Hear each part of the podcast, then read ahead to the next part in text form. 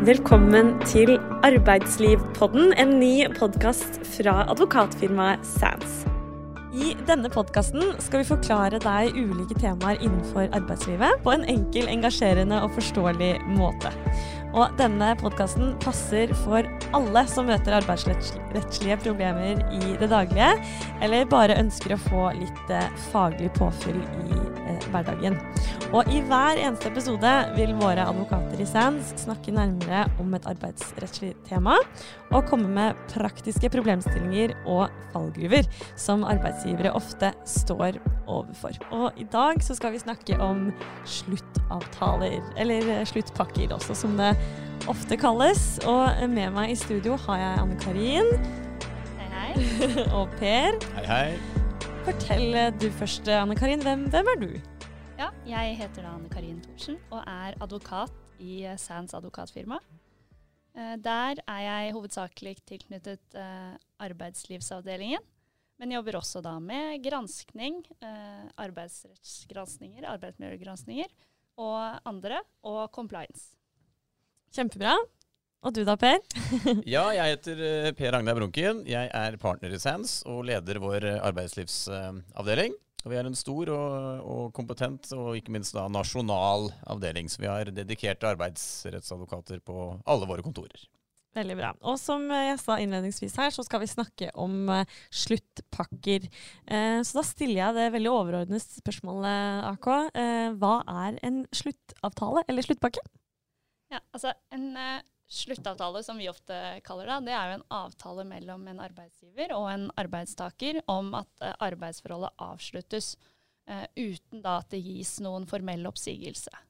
Sånn at uh, virkningen er da at arbeidstaker slutter, men at man da utfører den At den slutter da ved hjelp av en avtale og ikke en ensidig handling fra arbeidsgiver, som en oppsigelse vil være.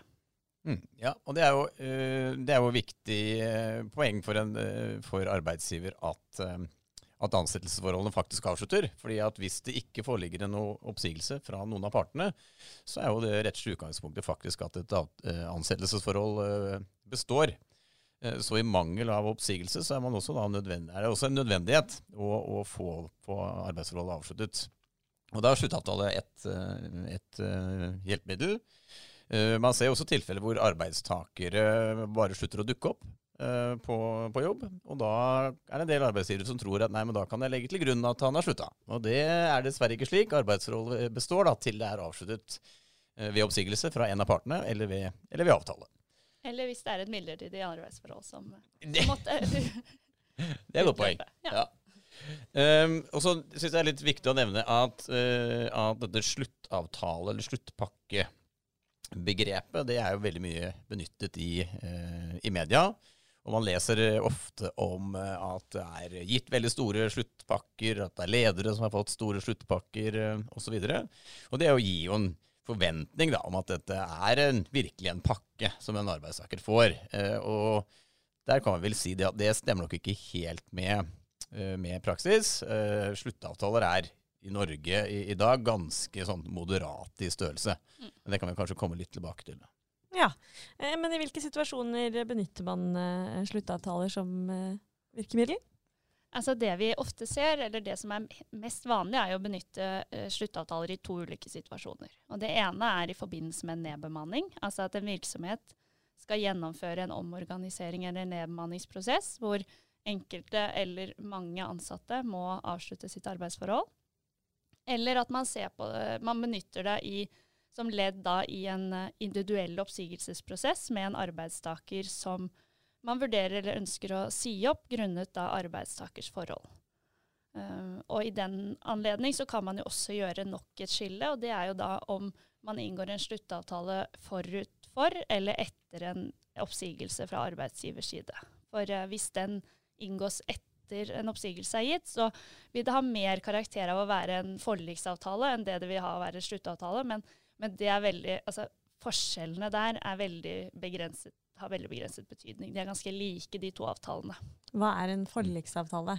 Det vil jo si at man altså, Når en ansatt uh, blir sagt opp, uh, så utløser jo det en søksmålsadgang Sånn at en arbeidsgiver vil alltid risikere at uh, den ansatte går til søksmål. Og Det er ofte det man vil unngå ved å inngå en avtale. At man vil avtale seg bort fra den risikoen. Um, sånn at man inngår da en avtale i etterkant for å rett og slett å, å fjerne den søksmålsrisikoen og eventuelle tvister som vil oppstå. Så Derfor kaller man det da en forliksavtale. Ja, Så jeg som arbeidstaker mister på en måte rettighetene mine til å saksøke arbeidsgiver hvis jeg godtar en sluttpakke eller sluttavtale, da. Ja, normalt sett så, så inneholder sluttavtaler en klausul som, eh, hvor man frasier seg den adgangen, ja. Mm. Og Det er forutsetningen for at det er særlig interessant for arbeidsgiver å gi noe mer enn det de er forpliktet til. Fordi ved en oppsigelse så har jo arbeidsgiver som utgangspunkt bare plikt til å betale lønn i oppsigelsestiden. Men uh, for å kvitte seg med søksmålsrisikoen, som uh, Ann-Karine er inne på, så er man villig til å betale noe for det. Uh, og det er jo da man egentlig snakker om dette sluttpakkebeløpet, eller dette sluttvederlaget av en viss størrelse.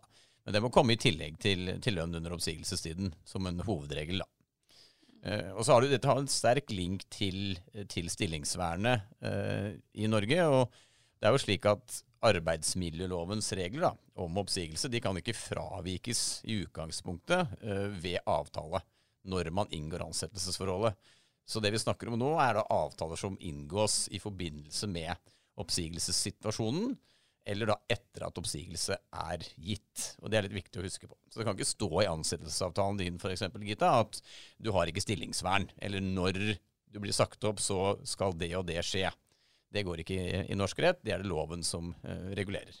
Ja, men går det an å avtale litt når man ser at uh, nå nærmer vi oss kanskje en nedbemanningssituasjon, eller at det er litt hvisking og tisking, og at en sånn avtale kan komme på bordet? ja da, i prinsippet så kan en sluttavtale inngås for så vidt når som helst, men, men det må jo foranlediges av da enten at det foreligger noe på arbeidstakers side, altså et typisk hvor arbeidsgiver er misfornøyd med arbeidstaker, som uh, vi var inne på tidligere. Eller at, eh, som du sier, at uh, nå går det veldig dårlig i bedriften. og kan ikke du og jeg bare prate om at ok, kanskje du kan fratre nå for å være med å bedre økonomien til selskapet f.eks. Hvis, typisk hvis det er en veldig liten bedrift, så vil en slik avtale også være en sluttavtale i den forstand vi, vi snakker om nå. da. Mm. Og et, et, viktig unntak fra den uh, regelen om at man ikke kan forhåndsavtale en sluttavtale, det er jo uh, når det kommer til uh, øverste leder i virksomheten. Uh, overfor øverste leder så kan man på forhånd inngå en klausul i arbeidsavtalen hvor øverste leder frasier seg stillingsvernet mot en, en etterlønn. Det er en såkalt etterlønnsklausul. Og Det er jo gjerne de klausulene som har fått litt oppmerksomhet også da, i, mm. i pressen, hvor toppledere har fraskrevet seg dette stillingsvernet, og mot x antall måneder med, med lønn. da. Ja, Så det kan stå allerede i arbeidskontrakten at i denne stillingen så ja, ja nei, Da står det jo at, at um, ansettelsesforholdet avsluttes i tråd med det som er avtalt i avtalen, og uavhengig av uh, arbeidsmiljølovens regler. Og Det kan man gjøre, da, men utelukkende for det som kalles da, virksomhetens øverste leder, eh, normalt sett da daglig leder eller CEO eh, i et aksjeselskap. Ja, Du var litt inne på dette med sluttavtaler ved nedbemanning. Eh, kan du forklare litt eh, nærmere om det? Ja, ehm, det, det, gjøres jo på flere måter. En måte som er litt sånn tradisjonell, eh, og som kanskje ble brukt mer før, var at man gikk ut til alle i, i bedriften og, og, ga tilbud om sluttavtaler. Altså uten at man uh, foretok noen form for utvelgelse om hvem som skulle gå eller ikke. Man bare la på en måte tilbud på bordet. Det så man jo i flere uh, statseide uh, store selskaper for en god del år siden. og da, da, fikk man disse pakkene, eller da søkte man faktisk på de, og så ble de på en måte tildelt. Um, det, den brukes nok i, i mindre, da, mindre, grad i dag, og er langt fra hovedregelen. Det mest vanlige er at man gjennomfører på en måte en, en nedbemanningsprosess i tråd med arbeidsmiljøloven, og man foretar en utvelgelse, og man identifiserer da en gruppe som er overtallig. Eh, og så får den gruppen da tilbud om sluttavtaler eh, som et alternativ til en oppsigelse. Det er den mest brukte varianten. Altså Man gjennomfører denne utvelgelsesprosessen. De som er overtallige, får tilbud om en sluttavtale, i stedet for at man gjennomfører en oppsigelse. Anne Karin, eh, du sa helt i starten her, snakket om uh, hvorfor man kanskje bruker uh, sluttavtale fremfor oppsigelse. Men kan du si litt, uh, litt, mer om det? Ja, det er jo nettopp det som vi nevnte i sted, dette med å fjerne denne søksmålsrisikoen. Um, det er mange arbeidsgivere som blir litt fortvilt når man gjennomfører en oppsigelse, nettopp fordi det er mange ansatte som, eh, som, bestrider dette her, og tar det nettopp fordi man ser at, eh, at det er muligheter for å inngå, få til en, en sluttavtale eller en forliksavtale i ettertid, hvis man bare gjør seg til en litt vanskelig arbeidstaker. Eh, sånn at det å inngå en sånn avtale eh, tidlig i prosessen vil, eh, vil redusere risikoen hvis man, hvis man, er redd for at sånt skal skje. Eh, en annen side av det er jo nettopp dette med at det kanskje vil være litt formildende. Man ønsker jo ikke alltid å gi en oppsigelse. Det kan være like vondt for en arbeidsgiver som en arbeidstaker å den, ta den beslutningen. Og, og, det å redusere kanskje byrden for, eh, for mottaker av en slik oppsigelse, det, det, vil være en seier både for arbeidsgiver og for arbeidstaker ofte. Mm. Uh, så det er jo ofte de to hovedelementene som vi ser i en, uh, i, i en sluttavtaleprosess. Da. Og um, de kommer nok inn like mye om det er eh, snakk om en nedbemanning eller eh, oppsigelse pga. arbeidstakers arbeidstakers forhold. Vi kan legge til der at Tradisjonelt sett så er jo nedbemanningssaker si, enklere og mindre betente for arbeidsgiver og, og arbeidstaker. Uh, sånn at sluttavtaler i praksis brukes så mye som, en, som, et middel for å løse da arbeidstvister, altså tvister mellom arbeidstaker og arbeidsgiver. Eh, og gjerne da i etterkant av en, av en, oppsigelse. Fordi de sakene kan jo bli veldig ressurskrevende for arbeidsgiver og arbeidstaker, og veldig, veldig betente og belastende. Så, så sånn sett er jo, jo sluttavtalemuligheten er jo i praksis en tvisteløsningsmekanisme også. Og så ser vi jo at, eh, at arbeidstaker, altså Det virksomheter ofte kan risikere, er jo at arbeidstaker krever um, å stå i stilling, særlig hvis det er snakk om en nedbemanningssituasjon. Og, og, da vil de i prinsippet kunne stå i sin stilling og jobbe helt til en sak er løst. Uh, uavhengig av hvor lang tid det tar da, i domssystemet. Uh, og den risikoen den er det mange arbeidsgivere som, som syns det er verdt å, å fjerne. Uh, risikoen for at de faktisk må betale lønn i så lang tid og ha en arbeidstaker der. Eh, risikoen for det er mindre når det er snakk om arbeidstakers forhold, fordi da vil man kanskje kunne få medhold i en kjennelse om at uh, ikke han skal få rett til å stå i stilling. Men, men, uh, men det, er, det, er, også en, et element her, da. Ja. Er det noen fordeler og ulemper ved å inngå en sånn avtale før uh, arbeidsforholdet er avsluttet enn etter? Det, det, er jo egentlig da av ressursbrukhensyn, egentlig. Altså at uh, på, jo tidligere man uh, hva skal si, avslutter et, et, arbeidsforhold som har gått litt surt, da, jo bedre er det. Uh, fordi hvis ikke, så kan det, som Ann Karin er inne på, vedkommende bestride denne oppsigelsen som da eventuelt må gis, og vedkommende har rett til å stå i stilling osv. Så, videre. så de tingene der er jo det som arbeidsgiver er villig til å betale seg ut av. Uh, og, uh, og, ikke minst så løper det jo kostnader gjerne på begge sider av saken, altså ved bruk av advokat f.eks. Så jo tidligere, uh, jo bedre, er vel egentlig svaret på det. Mm. Og, og, og, akkurat det spørsmålet, når er det man skal komme med tilbud? Når skal man gå fram og, til en arbeidstaker og, tilby å ta det steget? Da? Det er jo noe som vi ofte får spørsmål om eh, fra våre klienter. Når, når prosessen er det mest hensiktsmessige. Og det er jo vanskelig å gi en fasit på, syns jeg. Eh, det kommer helt an på situasjonen og akkurat hvilken altså, Hvem er det du har med å gjøre? Hva, hva, er, hva er det som kjennetegner denne arbeidstakeren?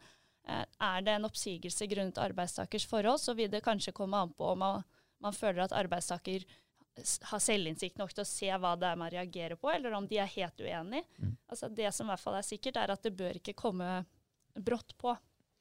Fordi eh, da vil eh, arbeidstaker lettere sette seg på bakbeina. Sånn at du må tenke litt psykologi, og tenke Altså du bør i hvert fall da ha et drøftelsesmøte, det bør nok, det bør du ha uansett. Men, men, du bør presentere synet sånn at du kan synke litt inn, og at man ser kanskje at ok, en sluttavtale det er kanskje et veldig godt alternativ. Mm. Jeg tror nok som hovedregel at det er, det er, best å ta det selvsagt når en prosess er innledet, og gjerne i forbindelse med drøftelsesmøte, som du sier. Det er ikke noe veien for å snakke om det tidligere heller, som du var inne på i sted. Altså hvis, hvis det faller seg naturlig en dialog mellom arbeidstaker og, og, arbeidsgiver, det kan jo skje i forbindelse med en, en medarbeidersamtale, det for så vidt, hvor man bare får tilbakemelding. Du, det her syns vi går veldig dårlig. Dette ansettelsesforholdet, det fungerer ikke. Uh, er, kanskje det er greit at du prøver å, å, finne noe annet å gjøre. Det går an å snakke med arbeidstaker på den måten. Men, men, det er klart man må være litt, grann, uh, litt grann forsiktig, og i hvert fall litt i forhold til hvordan man ordlegger seg, og være veldig klar på at man ikke uh, presser vedkommende inn i en form for sluttavtaleforhandling. Det kan slå tilbake på, på arbeidsgiver. Hva skjer da? Nei, altså da, da, er jo en tvist nesten uunngåelig, uh, vil jeg si. Uh, fordi da er det gjerne sånn at arbeidsgiver har sagt A og må måtte si B, uh, og ender opp da med en oppsigelse av arbeidstaker, som arbeidstaker da vil, vil, bestride. Og gjerne da med henvisning til at han mener at arbeidsgiver bestemte seg for Ann-Karin, hva bør en sluttavtale inneholde? Er det noen spesielle fallgruver eller liksom noe man må huske på som arbeidsgiver? Ja, det, det, er det jo alltid. Um, det som jeg tenker er veldig viktig når du skal inngå en sluttavtale, det er jo i hvert fall at du sørger for at den er presis og tydelig, og at du tenker på og har i bakhodet at alle forhold rundt avslutningen av dette arbeidsforholdet skal inngå og reguleres i den sluttavtalen. Uh, og her er, må man passe på at man ikke etterlater noen tvil, særlig om økonomiske goder og utbetalingstidspunkt og, og, og, sånne forhold som lett en arbeidstaker som har inngått en sånn sluttavtale, vil være veldig opptatt av. Eh, det kan det bli mye krangling og unødvendige diskusjoner i ettertid. Eh, basert på sånne forhold, som ja. vi ofte ser. Jeg er helt enig. Det må være ganske detaljert, eller ikke ganske, men veldig detaljert når det gjelder disse punktene. For det er typisk sånn at den ene tror at den andre trodde at det sånn var det. Eh, og det blir ofte, ofte tvister rundt typisk er jo sånn Skal det beregnes feriepenger på sluttvederlaget eller ikke? Eh, hovedregelen er nok at det ikke gjør det.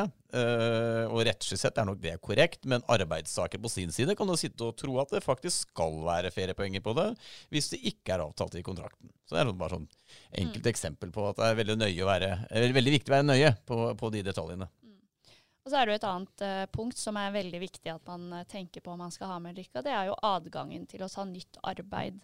Enten om det er i oppsigelsestid, hvis en arbeidstaker får fritak fra arbeid i oppsigelsestid, som vi ofte ser, eller om det er når i perioden vedkommende får et såkalt sluttvederlag. Uh, og om det i så fall skal medføre fratrekk i det sluttvederlaget eller ikke. Det vanligste er jo at du da får en løpende ytelse. Og det er jo først, Eller engangsvederlag eller sluttvederlag. Eller løpende er jo det er det jo avtalefrihet på. Mm. Ikke sant? Det vanligste må vi si at det er løpende. Mm. Og da er det jo et spørsmål om de kommer til fratrekk i ny inntekt. da. Ikke sant? Ja. Ja. Hvis det ikke står noe i eh, kontrakten eller sluttavtalen mm. om, eh, om, dette, at uh, hvis du tar deg nytt arbeid, har du da redd på begge deler? Får du, altså Som arbeidstaker, da, får du uh, dobbel lønn? Ja, jeg vil nok si at utgangspunktet er at da har du den rettigheten uansett. Altså Hvis det skal være slik at, uh, at den skal uh, falle bort, eller komme til fratrekk, så, så, må det stå i avtalen. Det er nok gjeldende rett. Mm. Ja, det er jeg enig i. Dette blir jo et klassisk avtaletolkingsspørsmål. da. Eh, hvis det har vært eh, diskusjoner i forkant eller det har vært avklart for, før avtale blir inngått, så kan jo det stilles annerledes. Men jeg er i utgangspunktet enig i at dersom mm. det ikke er nevnt noen steder, eh, og ikke vært en diskusjon mellom partene, så, så, vil det nok måtte stå skriftlig dersom et slikt fratrekk skal, skal kunne gjennomføres. Ja. Altså De viktigste tingene er jo uh, For det første så må det jo avklares hva som er opphørstidspunktet. Altså når er det arbeidsforholdet faktisk da opphører. Så må man ta stilling til skal man, hvordan skal man forholde seg til oppsigelsestid, som man i utgangspunktet har. Skal man arbeide den eller ikke? Skal man ha løpende ytelser i, uh, i den perioden? Uh, man beholder jo lønnen da, som den klare hovedregelen, men uh, når det gjelder andre goder, så er det jo et spørsmål hvordan de skal behandles. Skal du beholde telefonen din, mobilabonnementet, internettabonnementet og disse tingene, bør jo også, uh, bør jo også helt klart inn. Så, så, det er kanskje de aller aller viktigste spørsmålene. altså Når er det det opphører, og hva skal du faktisk gjøre når det gjelder dette med å arbeide og, og, og, og forhold til oppsigelsestiden. Eh, og så er det jo da denne eh, viktigste klausulen for arbeidsgiver. altså Det må fremgå klart at når man inngår denne avtalen, så er arbeidsforholdet oppe og avgjort, som det heter. altså Da er det ikke noe mer å kreve av hverandre. og Det er jo, eh, det er jo viktig. Mm. Og så er det jo sluttvederlaget, da, som vi har vært inne på. altså hvor stort er det? Eh, skal det utbetales månedlig? Skal det være, eh, eller skal det være et engangsbeløp? Eh, skal det beregnes feriepenger på det eller ikke? Og så videre. Det er vel egentlig de viktigste tingene, tenker jeg da. Hvis ja. jeg har igjen ferie da, får jeg da utbetalt det også i tillegg? Ja, Nok en detalj som kan inntas i, i, avtalen. Eh, der er det jo sånn at man ofte avtaler at den ferien man ikke er avviklet, da, eh, den anses avviklet da i oppsigelsestiden, hvor du da ofte fritas for arbeidsplikten, slik at det inntas der. Eh, men andre ganger så ble man også enige om det at typisk det er, hvis det er mot slutten av året, at man, det man ikke har avviklet, overføres og utbetales da, i påfølgende år. Det er heller ikke helt, helt uvanlig. Så, så det er opp til, opp til partene å, å, avtale. Er det noen typiske ting dere pleier å, å, å se hos klienter? Eh, altså ja, fallgruver, noe de brenner seg litt på? Ikke kanskje når det gjelder selve avtalens innhold. Det tror jeg ikke. Jeg tror vel heller at det er bruken av det, av bruken av sluttavtale på litt sånn overordnet nivå. Eh, at man kanskje ikke har et bevisst forhold til hvordan man skal bruke det i en nedbemanningsprosess. At man i en sånn prosess f.eks. ikke tenker over at man bør behandle alle likt. Eh, at man ikke har tenkt helt gjennom hvis man skal forskjellsbehandle, på hvilke grunnlag skal man eventuelt gjøre det. Uh, så det er en del sånne ting. Men når det gjelder liksom selve avtalens innhold, så, så virker det som at de fleste som er vant med å bruke sluttavtaler, har en avtale som holder uh, ganske sånn greit vann. Eller så spør de jo ofte om, om hjelp da, for å få det kvalitetssikret. Ja. Ja det er også min, eh, min, erfaring. Og det finnes jo mye, mye bra maler ute som, man, som, er tilgjengelig på nettet, som i hvert fall hjelper arbeidsgivere til å se hva som er de viktigste elementene å ha med i en sånn sluttavtale. Mm. Um, når man blir nedbemannet. Da. Det er viktig å huske at det er kun ved nedbemanning, ikke hvis du risikerer en oppsigelse pga. egne forhold. Men ved nedbemanning så vil du ha en såkalt fortrinnsrett til ny stilling i virksomheten. Eh, det gjelder da en stilling du eventuelt ikke, eller det gjelder en stilling du er kvalifisert for, eh, og du har den rettigheten i ett år da, etter at du blir sagt opp. Ehm, den rettigheten kan du også fraskrive deg i, eh, i sluttavtalen. Men, men, skal det gjøres, så bør det nok være en egen ordlyd på det. Eh, for man kan ta til orde for at ikke, en fraskrivelse av fortrinnsretten ikke inngår i den generelle fraskrivelsesklausulen som, som ofte står i, i sluttavtaler. Mm. Men ved nedbemanning, da. Ja, en, kan man da putte inn en konkurranseklausul? Eller, eller jeg syns det er vanskelig å forstå hvorfor det er sånn at uh, du må gå fordi at vi har ikke økonomi eller whatnot, vi må nedbemanne. Men du kan ikke gå til en konkurrerende uh, bedrift. Mm. Er det lov? Altså utgangspunktet ikke. Nei. Eh, fordi det står klart når det gjelder bruk av konkurranseklausuler, at dersom du blir nedbemannet, så kan du ikke gjøre konkurranseklausulen gjeldende. Det står direkte i arbeidsmiljølovens eh, regler om konkurranseklausuler. Og så er det klart at det, eh, blir litt mer tvilsomt der man inngår en, en sluttavtale og man mottar, mottar da en, altså lønn i oppsigelsestiden og en etterlønn. Det er nok mange som, som i hvert fall prøver seg med å si at i etterlønnsperioden så kan du ta annet arbeid, men ikke hos en konkurrent. Men det er jo kanskje litt tvilsomt om det egentlig står seg rettslig sett. fordi forutsetningen er jo klar i loven. At blir du nedmannet, så, så har du ikke lov til å gjøre konkurranseklausulen gjeldende. Og det faktum at du inngår en sluttavtale, bør ikke endre på det, eh, det, det utgangspunktet i loven. For altså, En annen ting da, som er viktig hvis man inngår en sluttavtale i forbindelse med nedbemanning, det er jo å, å, passe på at man innledningsvis i avtalen nettopp uh, uttrykk, uttrykkelig skriver at dette er som ledd i en nedbemanning eller en omorganiserings- og endringsprosess i virksomheten. Uh, og at det derfor ikke er uh, grunnet arbeidstakers forhold, men at det er virksomhetens forhold. Um, og det er viktig fordi Eh, som arbeidstaker så, så vil det medføre at du ikke blir pålagt disse tolv ukers karantene, denne karantenetiden hos Nav, eh, som man ser at veldig mange arbeidstakere er veldig opptatt av. Så det at du kan informere en arbeidstaker som arbeidsgiver og si at vi har det uttrykkelig her, og det er fordi, nettopp fordi vi skal unngå at du da får den karantenetiden, det blir veldig godt mottatt ofte hos arbeidstakerne, og man, man trygger da sin arbeidstaker. Mm. Godt med litt trygghet i en usikker situasjon. Alltid viktig å trygge, trygge arbeidssaker i en sånn prosess. Ja, da har vi jo kommet oss gjennom uh, sluttpakkeplanen vår, eller sluttavtale. Jeg sier alltid sluttpakke som eh, arbeidstaker. eh, Per og Ann-Karin, tusen takk for at dere var med. Vi kommer til å høre dere to ofte i denne podkasten her. Ja, vi gleder oss. Det gjør vi. Takk for at vi fikk komme. Tusen takk. Og hvis noen som lytter har spørsmål, så er det jo bare å ta kontakt med dere, er det ikke det? Selvsagt. Plass til flere klienter. Det er det. Takk for at du var med.